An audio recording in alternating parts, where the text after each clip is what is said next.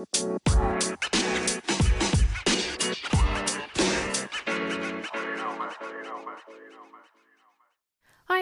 mijn naam is Janneke en welkom bij mijn Positief met Pubers podcast. De podcast waarin ik elke week vragen van ouders beantwoord over het opvoeden van pubers.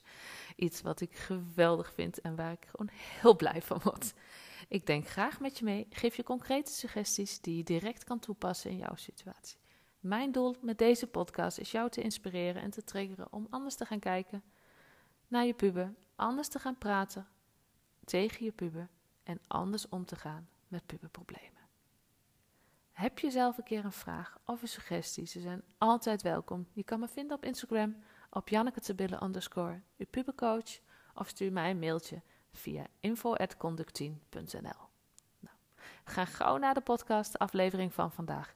Veel luisterplezier. Lieve groet.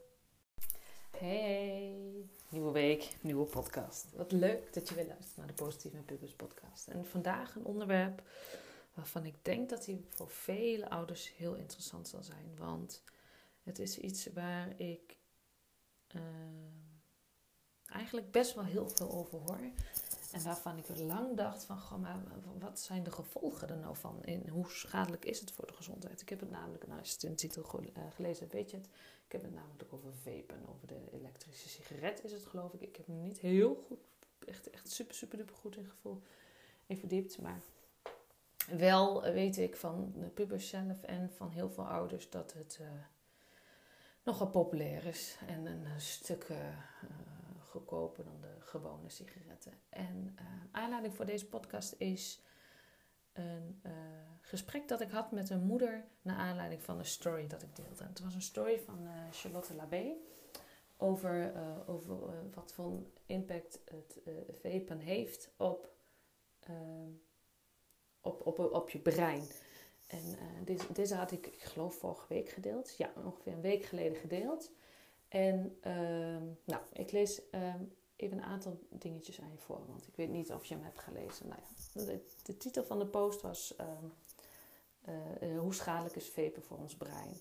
Nou ja, en er stond dus van dat steeds meer mensen, en met name jongeren, vapen. Het zou minder schadelijk zijn dan sigaretten, maar is dat ook zo? Dit doet vapen met het brein. Nou, dan geef ze een x aantal eh, vier redenen. Wil ik heel graag met je bespreken. Mocht je uitgebreide informatie willen, dan uh, verzoek ik je, of dan geef ik je de tip om Charlotte Labé op te zoeken. En zij is uh, breindeskundige en uh, is de eentje, als ik vragen heb over het brein, dan weet ik haar, haar posts en alles wel te vinden. Nou, de eerste reden of vapen gezond is of niet is Nicotine, maar ook het zoete smaakje zijn verslavend, uiteraard.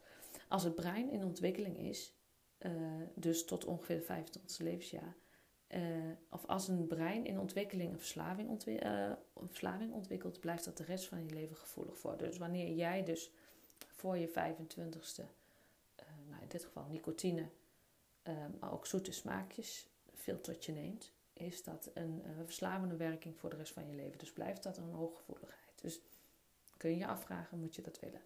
Twee is je impulscontrole wat zwakker. Dus hoe sterker een verslaving, hoe ongevoeliger we worden voor het beloningshormoon dopamine. Hierdoor wordt onze impulscontrole zwakker en geven we sneller toe aan dingen die slecht voor ons zijn. Wat dus vapen ook doet. De damp van vapevloeistof bevat schadelijke chemicaliën. En dit vond ik een hele bijzondere, of hele belangrijke. En deze schadelijke chemicaliën tasten op lange termijn de hersencellen aan. Dus net zoals het, het alcoholgebruik heeft het vapen dus ook zeker effect op ons brein. En de vierde, het vierde punt wat ze noemt is de vorming van synapsen, als ik het goed, uitzeg, uh, goed uitspreek, worden aangetast. Dit zijn de verbindingen tussen de zenuwcellen. Bij aantasting worden de andere je geheugen en concentratievermogen aangepast. Nou ja, ik uh, kan hier wel aardig mijn conclusies uittrekken. Deze had ik dus gedeeld. En uh, toen uh, kwam er dus een gesprek met de moeder. En die vroeg mij van, uh, ja, maar ehm, ja, mijn dochter die, eh, die heeft ook een vapen gebruikt. En die gebruikt dat nog steeds. Maar die heeft geen baantje, dus ik neem aan dat het van mijn huiswerk of van, van mijn zakgeld komt. Wat, wat, is jouw advies? Moet ik nu stoppen met zakgeld? Moet ik gewoon zakgeld blijven geven? Maar, daarmee financier ik eigenlijk haar verslaving. wat is jouw advies? Nou ja, ik vind dit een, uh, altijd een hele interessante, want uh, ik vind hem eigenlijk tweeledig. En ik zal eerst de tweelediging, de twee stukken delen, die, wat ik ervan denk. En daarna zal, zou ik mijn, mijn dominante visie erop geven. Nou, aan de ene kant denk ik van, nou weet je, ik wist niet precies hoe oud de puber was. Mijn navraag vertelde mij dat ze 16 was. Aan de ene kant denk ik, weet je, als jij 16 bent. Toen ik 16 was, kreeg ik geen zakgeld meer. Toen uh, hadden mijn ouders zoiets van, nou, je zoekt maar een baantje. Je gaat maar werken voor je geld. Dus dan zou ik zeggen van, goh, weet je, uh, uh, ik stop het zakgeld. als jij wil gaan vapen, als je sigaretten wil kopen of wat voor vorm dan ook, dan financier ik dat zelf. Dat doe ik niet. Uh, maar goed, ik weet niet de omstandigheden van deze puber, dus daar kan ik niet over oordelen. Maar dat is de ene kant. En de andere kant denk je van, ja weet je, als jij uh, uh, zakgeld geeft, is het de verantwoordelijkheid van je puber om, om dit uit te geven. Want het is zijn zakgeld. Dus als je wil leren omgaan met geld, um, of je puber wil leren omgaan met geld, is dit dan een hele mooie reden. Maar goed, als 16-jarige, en daar komt dan direct mijn, mijn dominante visie ik vind dat je als 16-jarige niet meer gefinancierd hoeft te worden door je ouders. Ik weet natuurlijk niet wat de situatie is en hoe, hoe, hoe de omstandigheden voor deze puber zijn.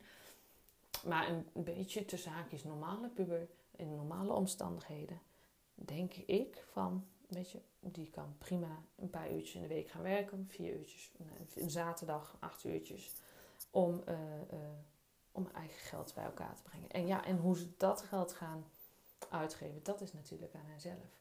Maar persoonlijk neig ik ernaar om, om dit soort dingen niet te gaan financieren. Om drugsgebruik, alcoholgebruik, uh, het vapen, uh, om dat niet te gaan financieren als ouder.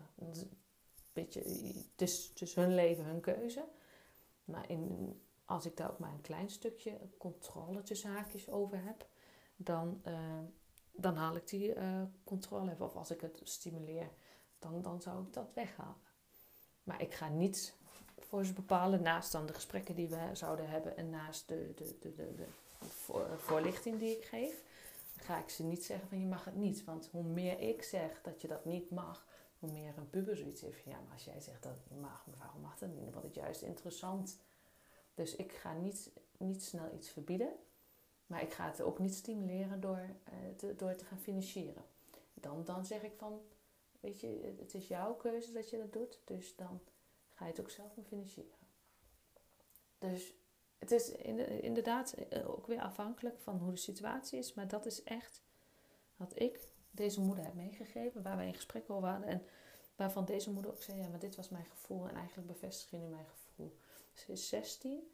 En natuurlijk maar vind ik het niet goed dat ze dat doet. Maar ik, het is uiteindelijk haar leven, haar verantwoordelijkheid. En ik kan haar die voorlichting geven zegt: Ik kan je die informatie geven die je nu hebt gedeeld van een breinexpert.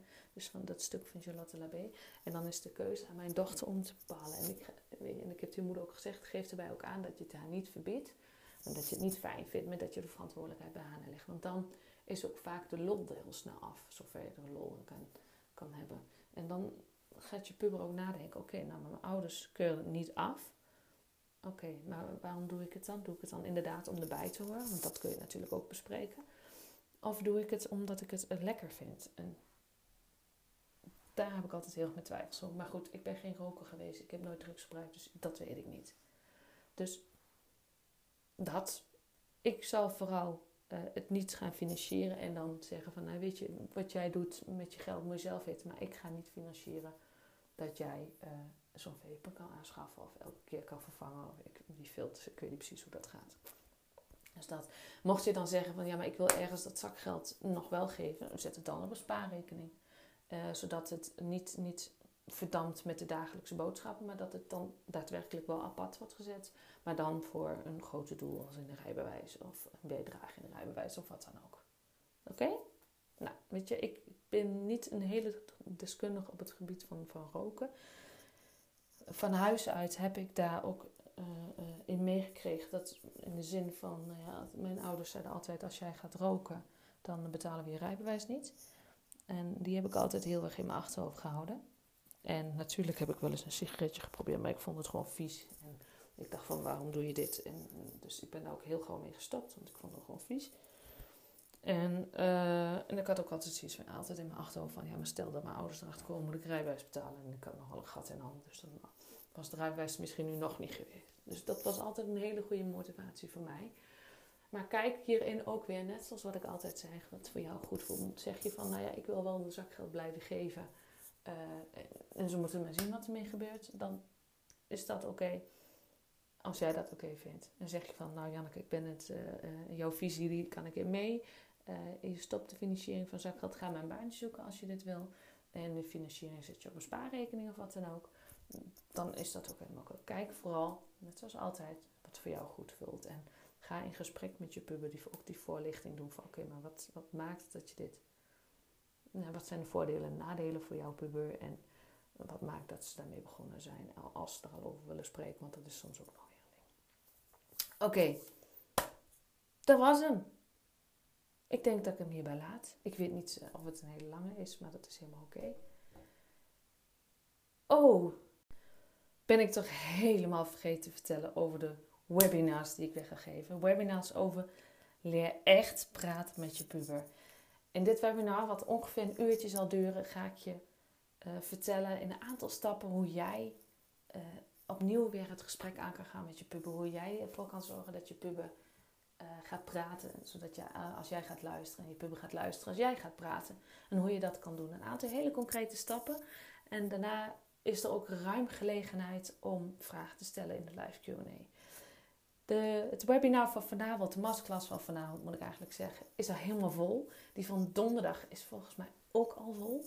Ehm, maar die van volgende week en die week daarna uh, zijn er nog een aantal plekken beschikbaar. Dus mocht je denken, oh Janneke, dat ja, kan ik wel gebruiken, want dat, mijn puber wil niet praten. Of mijn puber die heeft geen zin in praten. Of nou ja, maakt niet uit wat. Uh, geef je op. Ik uh, zal een linkje in de show note plaatsen, die hier onder de podcast. En in, via de link in mijn bio, via Instagram kun je uh, je ook aanmelden. Het is helemaal gratis. Er zit niks, niks geen verborgen kosten aan verbonden. Helemaal gratis. Dit doe ik omdat ik jullie gewoon graag nog meer wil helpen. Nog meer dan deze podcast. Nog meer dan de post die ik deel via Instagram. Nog meer dan ik nu al doe. Dus schrijf je in, meld je aan en dan spreken we elkaar heel snel. Zo, en nu stop ik echt. Dankjewel voor het luisteren en tot de volgende keer.